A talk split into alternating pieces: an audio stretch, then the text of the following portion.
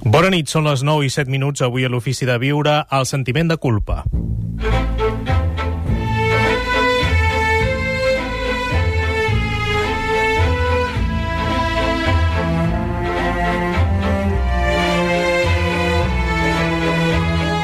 Gaspar Hernández, l'Ofici de Viure.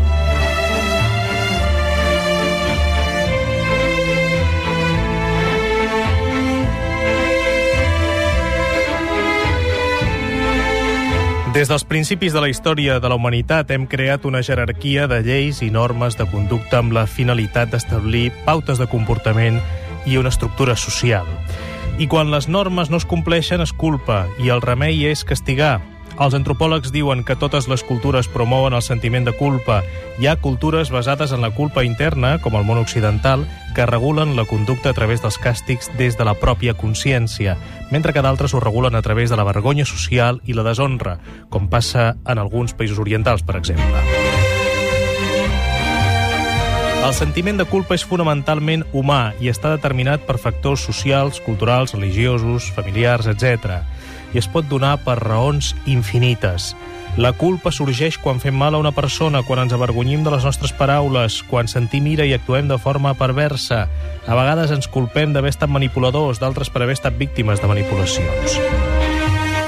El llibre El sentimiento de culpa, que ha publicat Aguilar i que presentem avui amb la seva autora, Laura Rojas Marcos, i llegim la culpa té el poder de deteriorar la nostra autoestima, la nostra pau interior, la nostra felicitat i, malgrat tot, també té aspectes positius. La culpa és com un baròmetre que ens ajuda a controlar els nostres impulsos, a diferenciar entre la bona i la mala conducta, a ser delicats amb els altres i ens indueix a reparar els danys provocats als altres. Diu Laura Rojas Marcos, el sentiment de culpa ens ajuda a diferenciar entre la bona i la mala conducta, així com els nostres pensaments positius i negatius, de manera que és saludable tenir un cert nivell de culpa, diu la psicòloga, perquè aporta equilibri mental i emocional a les nostres vides. El sentiment de culpa té una funció essencial en les relacions personals, perquè ens ajuda a tenir en compte els sentiments dels altres. Avui, a l'Ofici de Viure, el sentiment de culpa. Epíctet, aquell que ell mateix es culpa del seu infortuni, comença entrant al camí de la saviesa.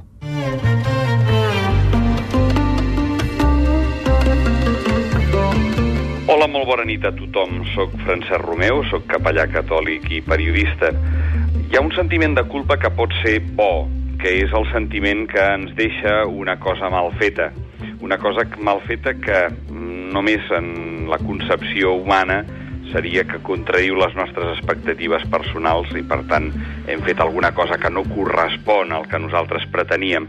O també, un segon nivell seria coses que eh, han fet mal als altres i això ens dol. En el sentiment religiós hi hauria un tercer aspecte, que seria coses que eh, contradiuen també el que Déu vol de nosaltres. Per tant, seria un tercer aspecte.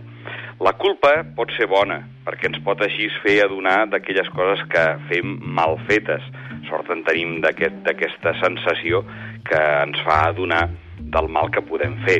Però hi ha un sentiment que és el de culpabilitat, que és el que podem arrossegar tota la vida, pensant que aquella cosa que hem fet mal fet doncs no ens en desfarem mai i que sempre anirem caminant amb aquest pes, amb aquesta càrrega a sobre. La pregunta és com ens podem desfer d'aquest sentiment, com ens podem treure de sobre aquesta xacra que podem portar a sobre. Les religions sempre han tingut eh, sistemes per poder-nos descarregar d'aquest pes. La religió cristiana, en concretament la confessió catòlica, té el sistema de la confessió, però quan no ho fem amb el capellà resulta que busquem algun psicòleg, busquem algun psiquiatre, busquem algun amic que pugui compartir eh, la, la, el nostre pes i quedem molt descarregats quan parlem de les nostres culpes i culpabilitats.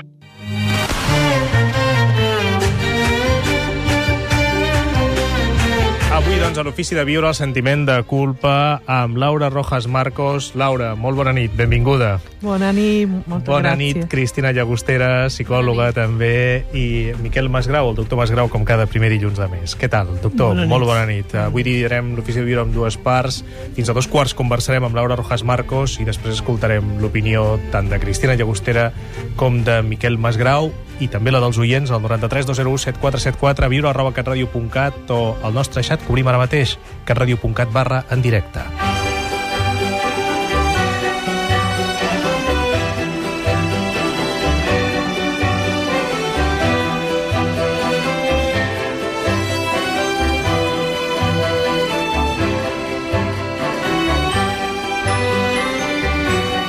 José Luis Parise, investigador, escriptor y psicoanalista. Estamos hablando en sentimiento de culpa de una relación que armaron en nosotros. No hay culpa si no es en relación a algo. Y esa relación la armó algo, alguien en nosotros, que precisamente ese algo ese alguien nos muestra el poder del mito. No hay motivos reales de culpa. Uno dice, sí, matar a alguien te hace culpable. No, en algunas culturas matar a alguien te hace héroe de la cultura. ¿Qué quiere decir? No hay culpa que se apoye en motivos reales. Toda culpa se apoya en alguna asociación. Ya que el ser humano no puede vivir sin culpa, significa entonces que tú puedes armar tus asociaciones. ¿Para qué? Para sentirte culpable por cosas que te convenga sentirte culpable para lo que quieres lograr.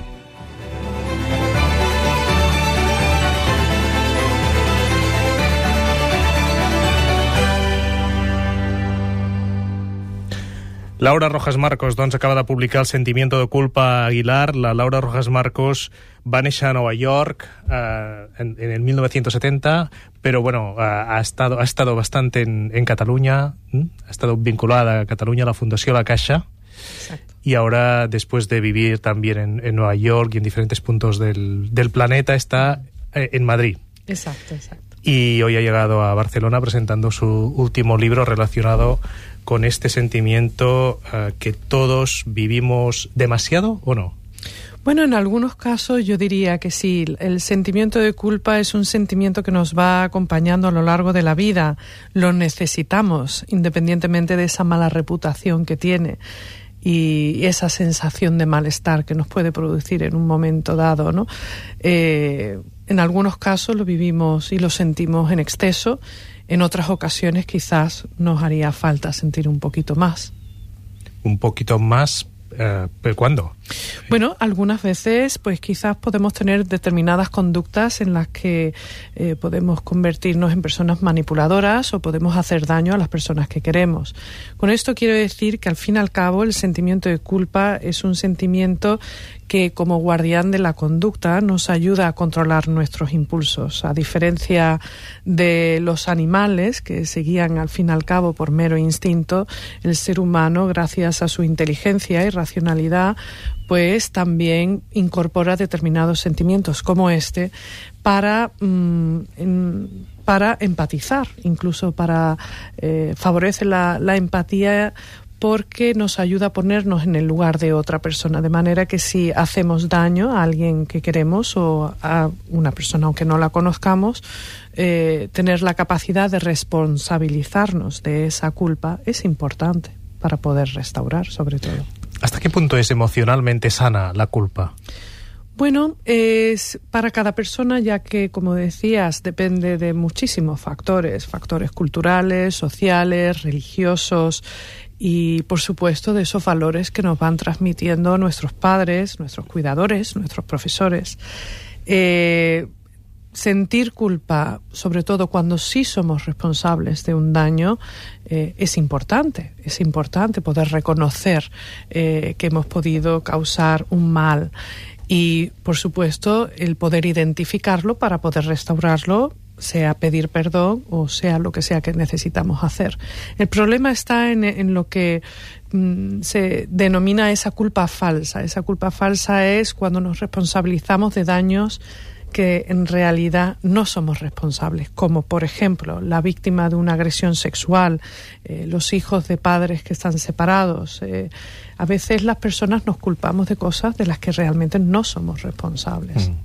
Habla usted en su libro de las víctimas de agresiones sexuales, precisamente, ¿no? Uh, muchas veces uh, se ha tendido a la culpabilización de las víctimas como si ellas hubiesen induido esa agresión sexual, ¿no? Lamentablemente, lamentablemente, lamentablemente a veces encontramos a víctimas de agresiones, sean sexuales o no, o sea, una víctima de la agresión de otra persona en la que se preguntan, ¿qué he hecho yo o sea, cómo he podido participar o colaborar, por supuesto, entre paréntesis, eh, en esta situación que me ha pasado. ¿Por qué ocurre esto? Pues esto se generalmente suele ocurrir porque al fin y al cabo como seres humanos buscamos el poder controlar nuestra vida y por causa-efecto, ¿no? El impacto que podamos tener en nuestro entorno y el impacto que tiene el entorno en nosotros. Cuando somos víctimas de una agresión, eh, no podemos remediar el preguntarnos, ¿hay algo que yo podía haber hecho para haber evitado esto? ¿Hay algo que yo haya podido hacer para provocar a esta persona? La búsqueda de esa responsabilidad que en muchos casos mm, nos lleva a esa culpa falsa. Dice usted en la página 86, en los casos de violación las estadísticas indican que en la actualidad solo se denuncian entre un 10 y un 15%, de las agresiones sexuales. Uno de los motivos por los que las víctimas son reticentes a denunciar una agresión sexual es porque después se cuestionarán su participación, su consentimiento y su credibilidad durante el ataque. El abuso infantil a menudo produce en la víctima, dice usted, un bloqueo de memoria. Según los expertos, esta es una reacción natural, pues el abuso lleva consigo un cuadro de amnesia. El instinto de supervivencia, uh, dado que la víctima depende y necesita confiar en el cuidador, produce amnesia o un vacío en la memoria de la víctima para evitar necesitar sentirse desprotegido o agredido por la persona de confianza. Necesita olvidar. ¿Hasta qué punto los episodios, uh, los episodios graves como estos uh, acaecidos durante la infancia uh, tienen, guardan relación al cabo de los años con el sentimiento de culpa de la víctima? Pues sí, eh, tienen una gran relación y puede tener una repercusión eh, drástica y muy perjudicial, sobre todo tanto en la autoestima y en la percepción que puede tener sobre sí mismo, no solamente su autoestima, sino también su autoconcepto y también en cuanto a la relación que tiene esta persona con el resto del mundo. Ah, va a afectar eh, definitivamente las relaciones interpersonales. Eh, un sentimiento de falta de confianza a veces ocurre y sobre todo un sentimiento de soledad. Pero a pesar de esto, a pesar de esto, a pesar de esta situación tan traumática y tan dolorosa, sí me gustaría decir, porque he trabajado con personas que han pasado por situaciones así, que con ayuda, con cariño, con apoyo y con tiempo para poder elaborar, eh, pasar por el duelo necesario, se puede superar, se puede superar una situación tan traumática como esta. No para olvidar, sino para poder integrar, al fin y al cabo, en la propia biografía.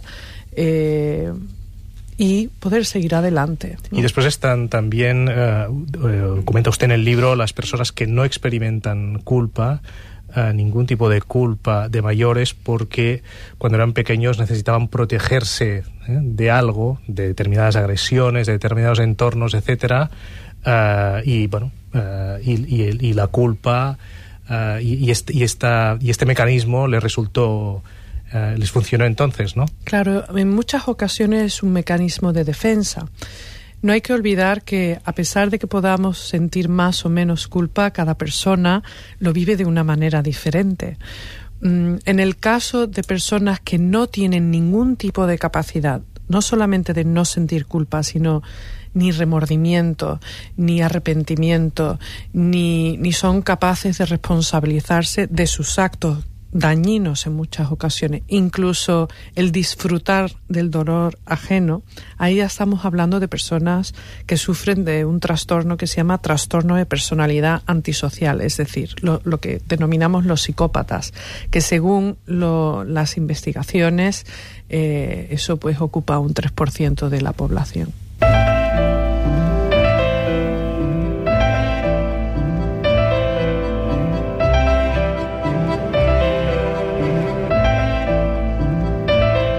Oscar Wilde. Cosa terrible és sentir com a pròpia la culpa aliena.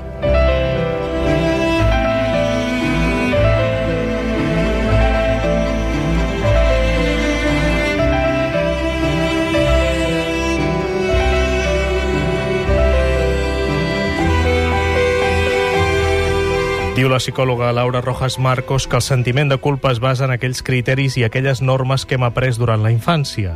A vegades aquestes regles estan tan profundament gravades a la nostra consciència que sense saber per què ens sentim culpables per alguna cosa que no té una raó objectiva. La culpa pot ser, diu ella, atribuïda a fets reals o falsos.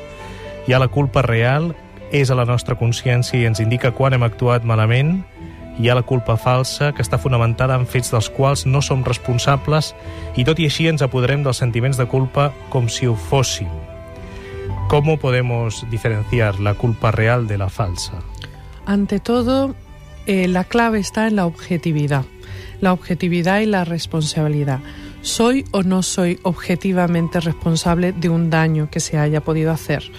Eh, en la culpa real, por ejemplo, dos hermanos que se estén peleando, uno le pega al otro, eh, pues es culpable del daño que le ha podido causar, ¿no?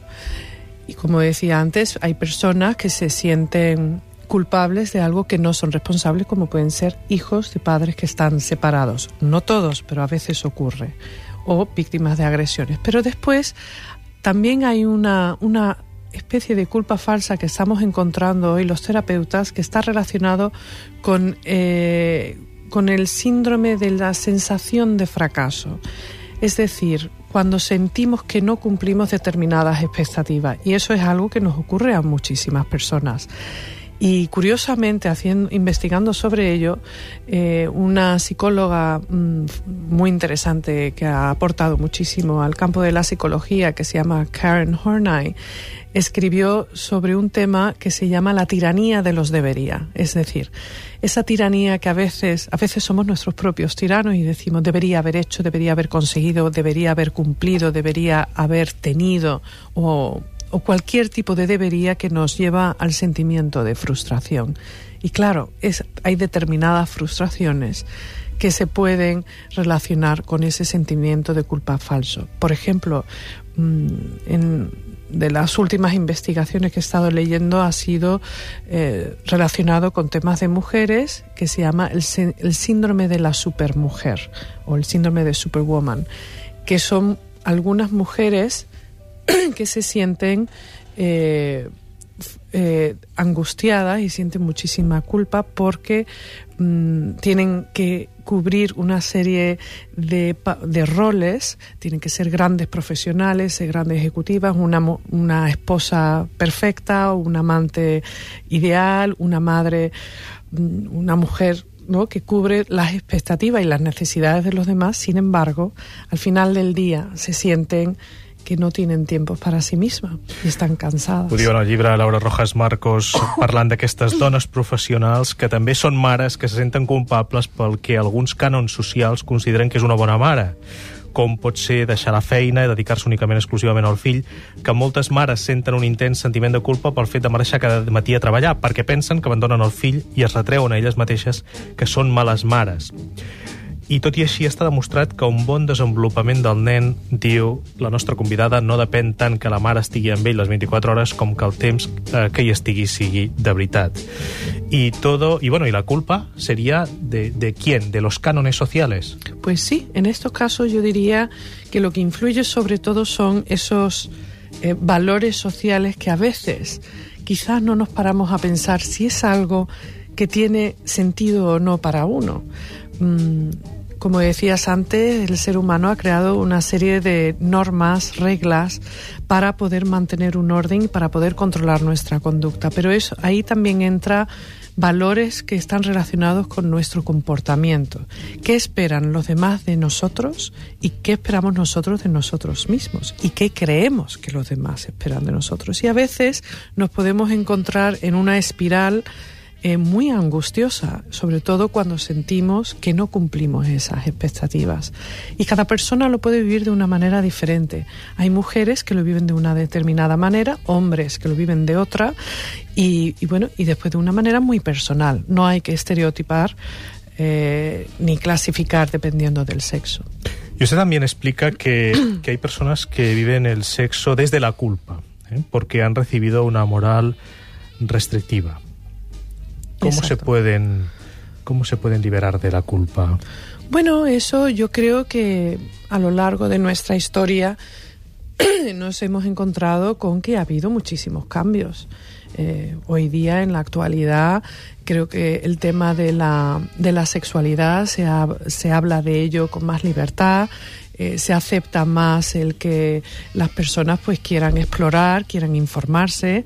Hasta no hace mucho tiempo en nuestro país eso no, no estaba permitido. Había un- una serie de, de valores y prejuicios que, que hacía que bueno nos sintiéramos culpables y bueno eso evidentemente no es algo sano porque al fin y al cabo la conducta sexual es algo que es natural que es sano que es necesario y bueno si a veces incorporamos esos prejuicios pues pueden ser muy dañinos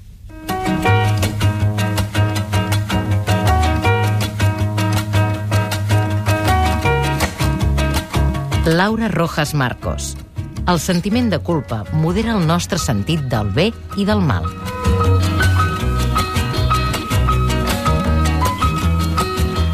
Perdonar-nos a nosaltres mateixos. Cal que reconeguem els nostres errors, identifiquem de forma objectiva què hem dit o què ens fa sentir culpa. Acceptar, diu Laura Rojas Marcos, que com a éssers humans de vegades ens equivoquem, que prenem decisions errònies, que ferim els nostres éssers estimats. Això forma part d'un dels grans reptes dels éssers humans. Reconèixer que els nostres errors, reconèixer els nostres errors desperta sentiments de culpa, angoixa i frustració, però els hem d'afrontar. Per perdonar-nos a nosaltres mateixos hem d'utilitzar una bona dosi de comprensió sobre les nostres conductes. No som éssers perfectes i cometre errors és la nostra naturalesa. Absolutamente. El ser humano no es un ser perfecto. Y bueno, parte de lo que es nuestra condición es cometer errores y por supuesto con ello eh, lleva sentimientos muy negativos de incertidumbres, de inseguridad, pero el también aceptar que al no ser perfectos, que cometemos estos errores y que son oportunidades para poder aprender, quizás a veces nos dejamos en el tintero el poder perdonarnos a nosotros mismos. Nos enseñan a perdonar a los demás, nos enseñan a pedir perdón para restaurar, porque dentro de, ese sentimiento de culpa tenemos la necesidad de poder restaurar y dentro de esa restauración o el poder liberarnos de esa culpa entra el perdón, sea con otra persona como para uno mismo. Laura Rojas Marcos, eh, gracias por haber venido al Oficio de Viura de Cataluña Radio en esta primera entrevista. Mañana está todo el día en Barcelona presentando el libro El sentimiento de culpa que ha publicado Aguilar. Muchísimas gracias. Nada, muchísimas gracias. Buenas noches. Bona nit.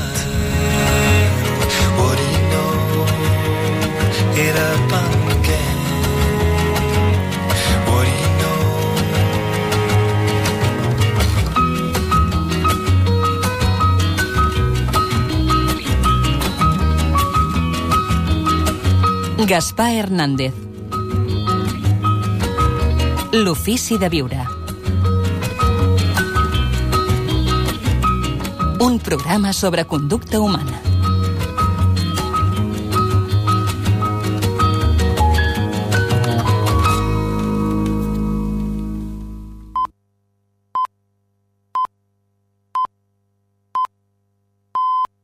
Dos quarts de deu i a l'Ofici de Viure arriba Ricard Rullant. Què tal, Ricard? Molt bona nit. Hola, molt bona nit.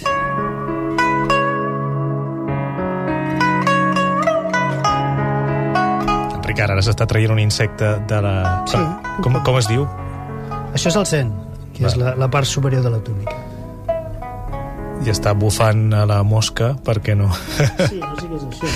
És, és un insecte molt estrany. Sí, no és però no sé si ara l'ha deixat circular per sobre la taula. Bé, Ja farà la seva, no? farà les seves. Com a mínim no, no té el perill que la- la- l'esclati. Pot ser una persona reencarnada? Sí, no ho dubtis, segurament eh, alguna, algun lligam tenim perquè estigui amb mi en aquest moment. És, Sí? és, és ben clar, és ben clar.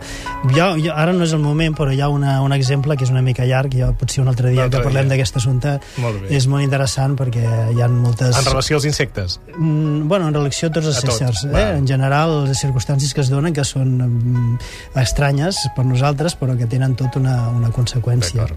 Vinga, Ricard, doncs som-hi quan vulgui tot orelles. Moltíssimes gràcies. Ens posem en una postura adequada i còmoda per meditar. Hem d'estar tranquils, que puguem mantenir doncs, aquesta postura en comoditat mentre fem la meditació. Amb l'esquena ben adreçada, ben recta, ben còmoda. La nostra actitud ha de ser, doncs ara el que vaig a fer, la meditació ha de fer un benefici, ha de crear un benefici, i això també que pugui ser perquè tothom tingui un bon resultat. Ens interessa tenir la ment enfocada. Ens interessa perquè una ment distreta, una ment confosa, una ment desordenada no, no, no, és, no és una bona ment, és una ment que no és positiva, no ens ajuda. En aquest cas fem servir la nostra inhalació i l'exhalació observant puntualment en el nas, exclusivament en aquí, el flux de l'aire, com va i ve. Molt assenyadament, ens hi fixem bé.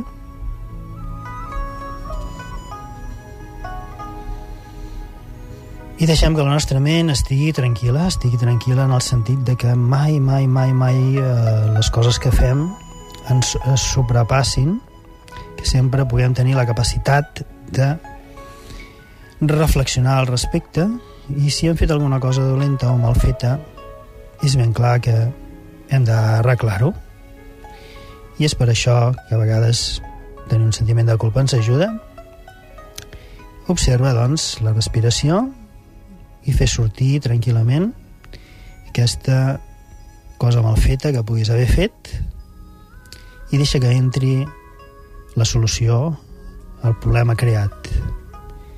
I llavors els resultats seran molt beneficiosos per tots els éssers.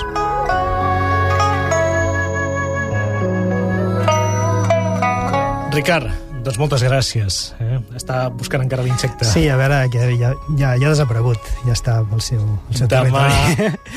demà l'ofici com conversar bé. Molt bé. Gràcies. Bona doncs, nit. Molt bona nit. Fins demà.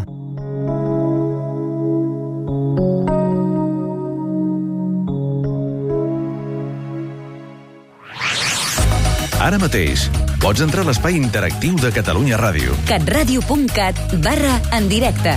per expressar-te, per donar la teva opinió o ampliar informació sobre els temes que estem tractant a l'Ofici de Viure, Connecta't a catradio.cat barra en directe. En directe. la ràdio amb valor afegit.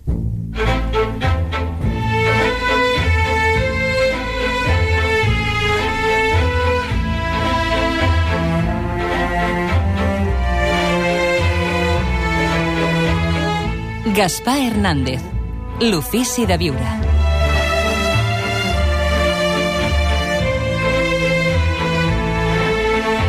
Avui el sentiment de culpa l'ofici de viure. La Laura diu, voldria aprofitar el vostre programa per preguntar-vos si realment és sana la culpa. De fet, ens diu la Laura, a mi el que em sembla que és sa i ens fa créixer és responsabilitzar-nos dels actes i les accions que fem, però que sentir-te culpable només bloqueja, només ens bloqueja. Bé, què en penseu? La Laura Rojas Marcos ha introduït molts matisos en el seu discurs eh, i, i no sé fins a quin punt hi està d'acord la Cristina Llagostera i el doctor Masgrau.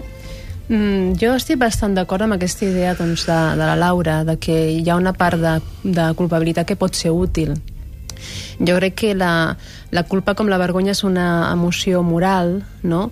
i que està doncs, relacionada molt amb la nostra consciència. De fet, sí que és veritat que la nostra societat, doncs, per una altra part, ha fet molt de mal perquè està molt relacionada amb la tradició judio-cristiana que de fet eh, doncs, comença aquest sentiment de ser conscient d'un mateix a través del, del primer acte de desobediència, de desobediència no? i que és un primer acte de, de càstig. No? Llavors està molt associada la, la culpa amb el càstig i d'aquí doncs, esdevé de que moltes vegades inhibeixi molt la conducta. Però també hi ha una part de sentiment de culpabilitat necessària en el sentit de que si jo em sento culpable d'alguna qüestió, potser inclús eh, això millora el meu autocontrol perquè farà que jo no faci certes coses. És a dir, que, que frena certs impulsos que, si no d'altra manera, doncs, estarien absolutament descontrolats. I que, per altra banda, un cop hem fet coses i ens sentim culpables, també ens dona l'oportunitat de reparar les situacions. Què en pensa el doctor Masgrau? Perquè la, la pregunta al milió és fins a quin punt a la nostra societat el sentiment de culpa ha fet més bé o més mal? Jo penso que essencialment és un, és un sentiment insà. O sigui que, com diu la, la hiena, bloqueja, no es bloqueja, paralitza, és absolutament negatiu, és la mare de totes les negativitats. És una mena de trampa que la que o m'hi cau és molt difícil sortir-ne, perquè doncs qualsevol cosa et pot tornar a abocar allà dintre. Per mi és com una mena de debilitat de la, de la consciència. I per tant, no pot ser bo de cap, de cap de les maneres tot i que la nostra cultura té, juga un paper important, és a dir, perquè si quan no hi ha aquest, aquest sentiment de culpa, a dir, les persones inconscients o, o que no, a, aquestes llavors poden arribar a fer grans, grans mm, destrosses, grans maldats, però, però al revés no vol dir que, que sigui veritat, o sigui, que això sigui cert no vol dir que el contrari també sigui veritat. O sigui, per això el que és molt interessant és sortir la globalització, és a dir, tot, avui dia tenim ocasió de veure i conviure no, molt fàcil en cultures que no tenen aquest sentiment de culpa. És a dir, hem de tenir clar que aquest sentiment de culpa, tal com el vivim nosaltres, és propi de la tradició judeocristiana. O sigui, cap altra cultura, ni de l'home primitiu, ni de les cultures orientals, tenen aquest sentiment de culpa i viuen molt millor i molt més feliços. Contundent, el doctor Mas Grau mm. parlant del sentiment del culpa. Doncs hem volgut parlar amb Barry Kerzin, que és monjo budista, professor i metge, actualment viu a Dharamsala, a l'Índia, des de fa 20 anys i treballa per 60 edat, 60 edat al Dalai Lama. Escoltem que el paper que té, segons ell, en nosaltres el sentiment de culpa. Uh, guilt helps nobody. La culpa no ajuda a ningú, ni els altres ni nosaltres. So, actually, Així que crec que per ser més pràctic, realista i madur, no podem dir que ens deslliurem sempre del sentiment de culpa. Això vol temps i seguretat en un mateix. La confiança que podem ser bones persones. El sentiment de culpa, segons el doctor Barry Kerzin, està estretament vinculat a les nostres expectatives. Com més altes siguin, més sentiment de culpa atresorarem. Of course we're going to make mistakes. I mean, we're all human, know. És clar que podem cometre errors, tots som humans. Jo, de fet, cometo molts errors. Però sentir-se culpable per això no és útil ni ajuda. Perquè sentir-se culpable implica que esperem ser perfectes. Aleshores, si estem per sota de la perfecció, on estem sempre perquè som humans i no som perfectes, si creiem que som perfectes, ens sentirem culpables. if we expect ourselves to be perfect, then we feel guilty.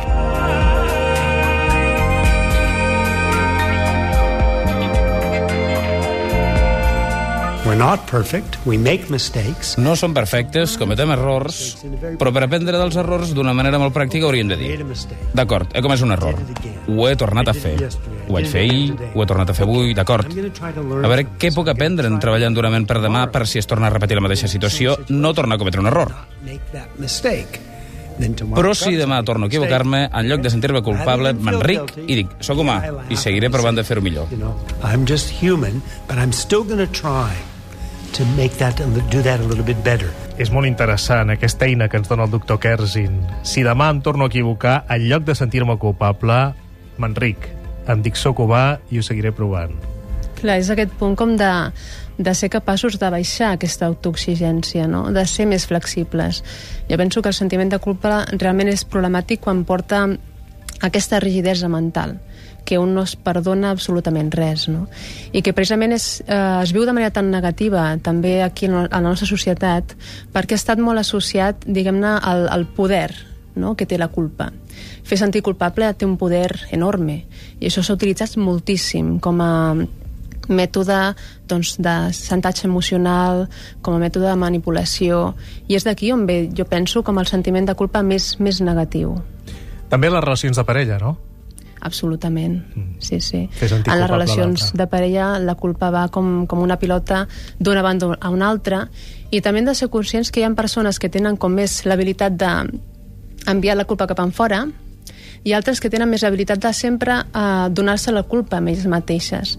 De fet, jo penso que està molt relacionada també amb el sentiment de ràbia, en el sentit de que quan hi ha una frustració, una cosa que no ha sortit com jo m'esperava, o culpo cap en fora o culpo cap en dintre. Llavors, si culpo cap en dintre, eh, esdevé una persona deprimida, amb sentiment d'inferioritat, mentre que si culpa cap en fora mai té aquest sentiment com de responsabilitat, ni tampoc pot fer cap canvi. Estem parlant del sentiment de culpa avui a l'Ofici de Viure de Catalunya a Ràdio. Se'ns ha espatllat al xat. Eh, Em sap molt de greu ah. anunciar-ho als oients, però els que, hi, els que hi han intentat entrar ja ho saben, no? La línia ens poden dir el que, el que bonament vulguin a través de l'e-mail, a través de, o a través del Facebook o trucant-nos. Doctor Masgrau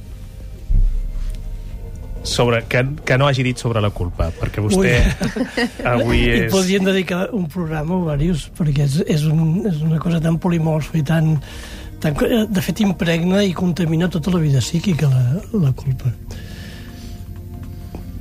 No sé, jo crec que la que realment el que és, és un problema cultural seriós el que tenim aquest amb el de la culpa. I, i no, ens, és, ens és difícil imaginar el que pot ser una societat que funcioni sense culpa sense aquest sentiment de culpa com a sentiment dominant, com a, com a, com a, com a sistema de cohesió social, diguem, no? Que, que, és a dir, la, la culpa és una mena d'introjecció, d'interiorització del mal. I això no passa només amb la culpa, sinó amb, tota la, amb totes les qüestions que tenen a veure amb la, amb la salut també. És a dir, la, la, la nostra manera d'entendre el mal és veient-lo dintre de nosaltres contínuament. I això fins i tot se n'ha fet, fet virtut. És a dir, la persona que és conscient de lo dolent que és, de lo lletja que és, de lo malvada que és, de lo, de lo pecaminosa que és, ha estat eh, considerada com, com moralment bona. Aquesta persona té una bona consciència, no? I no és veritat, o sigui, la consciència està molt més amunt d'aquella veueta que no, d'aquell rosegó que no para rosegar i que criticar, no? la consciència està molt més amunt tu pots fer coses, coses dolentes coses que no, estan, que no estan bé però per favor la consciència ha d'abastar sempre el conjunt de tot li explico, li llegeixo a la Cristina Llagostera algunes de les aportacions dels oients. Uh, una oient se sent... Uh, se, diu, sent una persona plena però no tenir la mateixa freqüència que la meva parella pel sexe o la mateixa predisposició em crea sentiments de culpa. Fins a quin punt he de deixar de tenir aquests sentiments? Clar, és que és una qüestió moltes vegades com de, com de ritmes, no? I a vegades en les parelles és molt és molt complicat acceptar aquestes diferències, no? acceptar les diferències en la parella, no? i que no és una qüestió de que un sigui millor o pitjor, sinó simplement diferent. Llavors, quan s'accepta la diferència, simplement no, hi ha, no té per què haver culpabilitat. Són qüestions diferents. La Maria del Masnou diu durant anys he tingut una relació amb el meu pare força complicada, amb moltes discussions. Ara ell està greument malalt i em sento molt culpable, doncs penso que hagués hagut de ser més comprensiva i menys rígida i impacient. Eh? Mm -hmm. Diu, però és massa tard. Clar. Bueno, mai és massa tard, jo penso, per, per tancar relacions. Inclús quan una persona... Eh, doncs ja és morta, també es, un pot tancar d'alguna manera la relació amb aquesta persona d'una manera diferent, no? I realment, doncs, si hi ha aquest sentiment de culpabilitat, en tot cas, assenyala que hi ha alguna cosa a indagar o a explorar en aquí, no? I que en tot cas, doncs, eh, sí que pot intentar doncs, indagar no? per què sent aquesta culpabilitat tirar del fil i a partir d'aquí doncs, també sanar aquesta emoció. No? El sentit és sanar-la perquè sigui útil no? Si, és, si és un lastre no, no, no té cap sentit.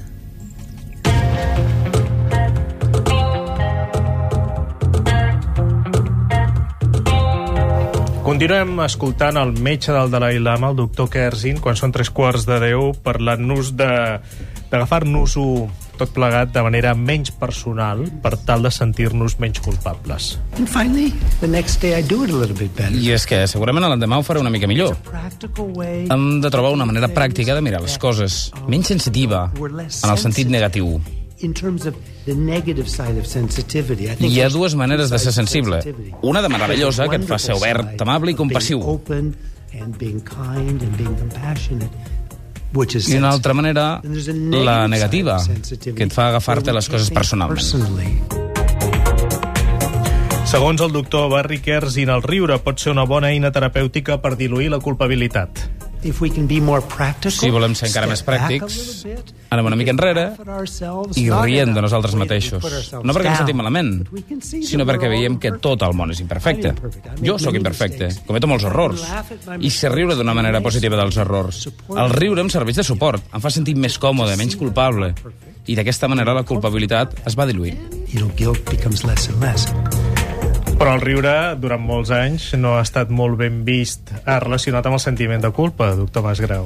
Bueno, el riure pot ser una, una, una solució, encara que de fet la solució és, crec que la veritable solució és la, la que hem d'aprendre altres, de les, les altres cultures que no són la nostra, que és que l'home tendeixi a l'harmonia, a crear harmonia en els seus actes, que és el que els orientals diuen karma, i que el, el que els primitius, l'home primitiu, doncs, doncs això, adaptar-se a, la, a la tribu, en el, als altres, no, el sistema d'adaptació. Llavors, el cultivar la nostra cultura, el cultivar la virtut, el cultivar coses positives, eh, conductes positives, és el millor que hi ha per contrarrestar el, i a més l'únic que hi ha per contrarrestar el, el sentiment de culpa. O sigui, ser responsable. Eh? És a dir, la, la, la culpa és una, una acció per reaccionar. O sigui, eh, fer coses positives i sobreposar-se. Si has fet una cosa que no està bé, doncs reaccionar i fer-ne una altra amb la millor intenció del món. En la línia del que ens proposava l'oient Laura, vosaltres canviaríeu sentiment de culpa per responsabilitat? I tant. Sí, eh, es podria canviar, però en tot cas eh, el sentiment de culpa està aquí, a la nostra societat hi ha alguna cosa tenim que fer amb ell, i, i de fet és, eh, no deixa de ser un còdic intern, com mm. pot ser també el, el karma un, un còdic intern, no? de com mm. les meves accions doncs, poden tenir resultats negatius tant per mi com per als altres. No? I, I per tant jo penso que, que, que la qüestió és, bueno, com que hi ha culpa i, i podem dir-li responsabilitat, però la, les persones parlen de sentir-se culpables i llavors sí que es pot fer aquesta traducció però també hem de reconèixer que la culpa forma part de, de nosaltres i que hem d'aprendre en tot cas a com transcendir-la, no? com modificar-la, com fer un canvi a través d'ella.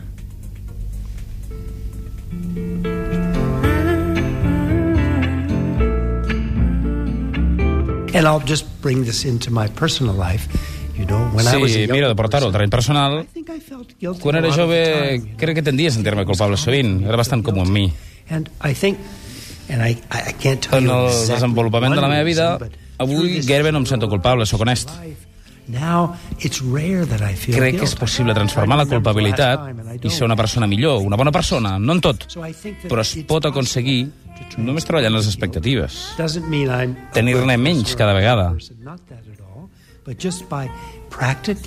I quan cometem errors, ser adults i prendre-s'ho amb humor i dir, no hi ha problema, ho provaré de nou, miraré de fer-ho bé i mirar d'evitar un excés de sensibilitat.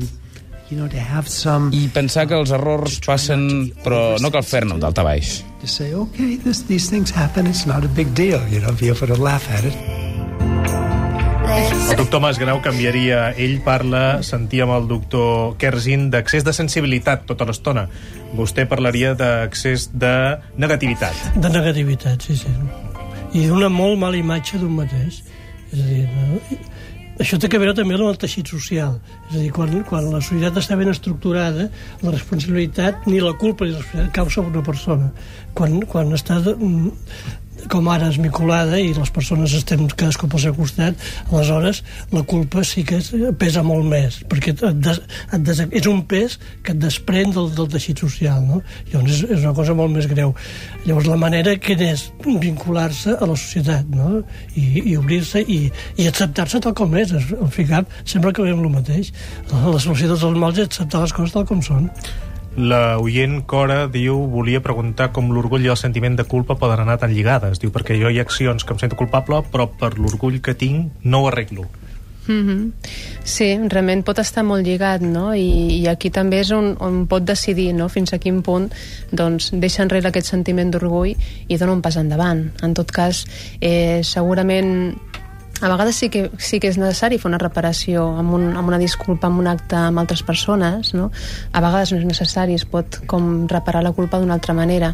Però, però sí que també quan hi ha l'orgull, de fet, és com una barrera, no? I un ha de dir, a veure, la vull traspassar o no la vull traspassar. Si no la traspasso, amb què em quedo? Amb culpa, amb ressentiment, amb malestar amb aquesta relació? Si la traspasso, què puc descobrir en l'altre cantó? 10 minuts i arribarem a les 10 a l'Ofici de Viure de Catalunya Ràdio amb Jordi Llavina d'aquí uns instants. Hola, Què tal, Jordi? bona nit. Com, com va anar tots sants? Bé, bé, bàsicament bé. Uh, jo saps de què em sento culpable, però, es fa?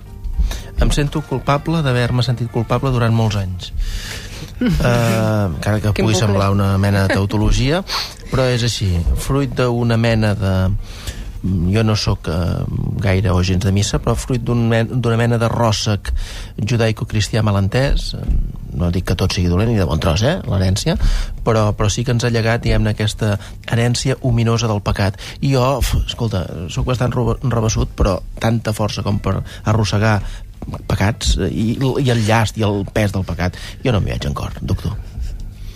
Està mirant el doctor Masgrau. el doctor Masgrau, home, també és un doctor de l'ànima, però diguem-ne, no, no és ben bé psicòleg, però bé, a la pràctica sí, no? Sí, però no entenc, no entenc què vols dir. No, que jo no em sento... Ara ja, jo, jo, jo ara sóc feliç, no sé si estic en harmonia amb mi mateix, amb el Gaspar, amb els nostres oients, amb, eh, amb els oients, sí, però vull dir que ara eh, això de la culpa, eh, fa, fa molts anys que ja no, que ja no sento Sí. aquesta culpa perquè Però era condicionada per una qüestió El- cultural, el, el meu el. Freud mateix ho deia, el malestar de la cultura, que, el, que la, la culpa és la principal causa d'infelicitat i és el gran problema del, del progrés de les nostres societats. Mm. Si ets feliç és perquè no et sents culpable. Doncs ens hem entès. Si et sentissis pecador no podies ser feliç. Ens hem entès. Hem començat escoltant els arguments de Laura Rojas Marcos i hem acabat amb aquesta sentència contundent. Moltes gràcies, doctor Miquel Masgrau, Cristina. Llagostera. Fins ben aviat. Bona nit. D'aquí uns instants, els mails d'amor. Feu podcasting amb l'ofici de viure. Si voleu escoltar qualsevol programa endarrerit o de la temporada passada, podeu anar a catradio.cat. Cliqueu damunt programes a Z i seleccioneu els programes que més us interessin. tarda. Avui, a l'Ofici de Viure... A internet ara mateix teniu més de 300 programes de l'Ofici de Viure a la vostra disposició. L'Ofici de Viure, amb Gaspar Hernández. Eines pel benestar emocional. Això és una promoció amb tants avantatges que no caben en una sola falca. Per tant, l'hem de partir en dues. Primera part. Si contractes al novembre el teu creuer fantàstic amb viatges el Corte Inglés, depenent de l'import del viatge, t'emportaràs un televisor de plasma o un notebook. O, si t'ho estimes més, un 10% de descompte. A més, fins a un 50% de descompte addicional. I les criatures tenen el creuer gratis. Informa't a Viatges el Corte Inglés. Consulta en condicions. Continuarà. Descobrir Catalunya, la revista líder de viatges et mostra el teu país com mai l'has vist. No et perdis la col·lecció El paisatge favorit de Catalunya per primer cop en DVD. Els primers 8 capítols de l'èxit televisiu de la temporada amb la revista Descobrir Catalunya d'aquest mes. Ja al quiosc. Creuer fantàstic. Segona part. Si contractes al novembre el teu creuer fantàstic amb viatges al Corte Inglés, tindràs garantit el millor preu possible fins al dia de sortida del creuer per viatjar durant 2009 o tot 2010.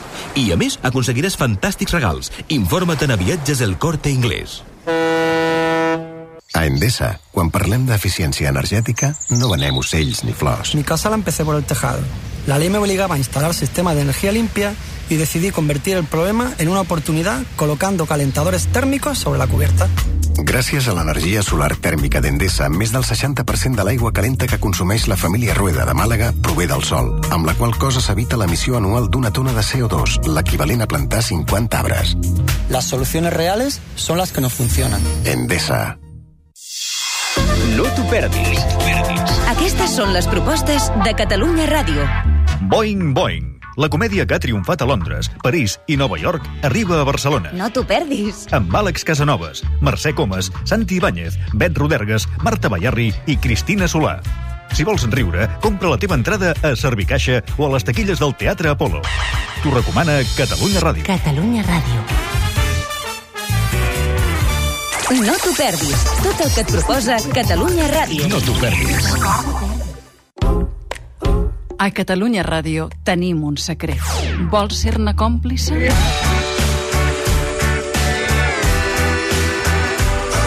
Cada tarda de 4 a 7, El Secret, amb Sílvia Còppola. Un secret per compartir.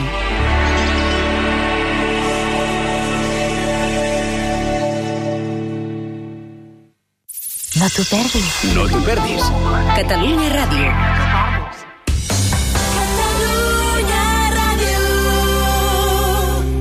L'ofici de viure.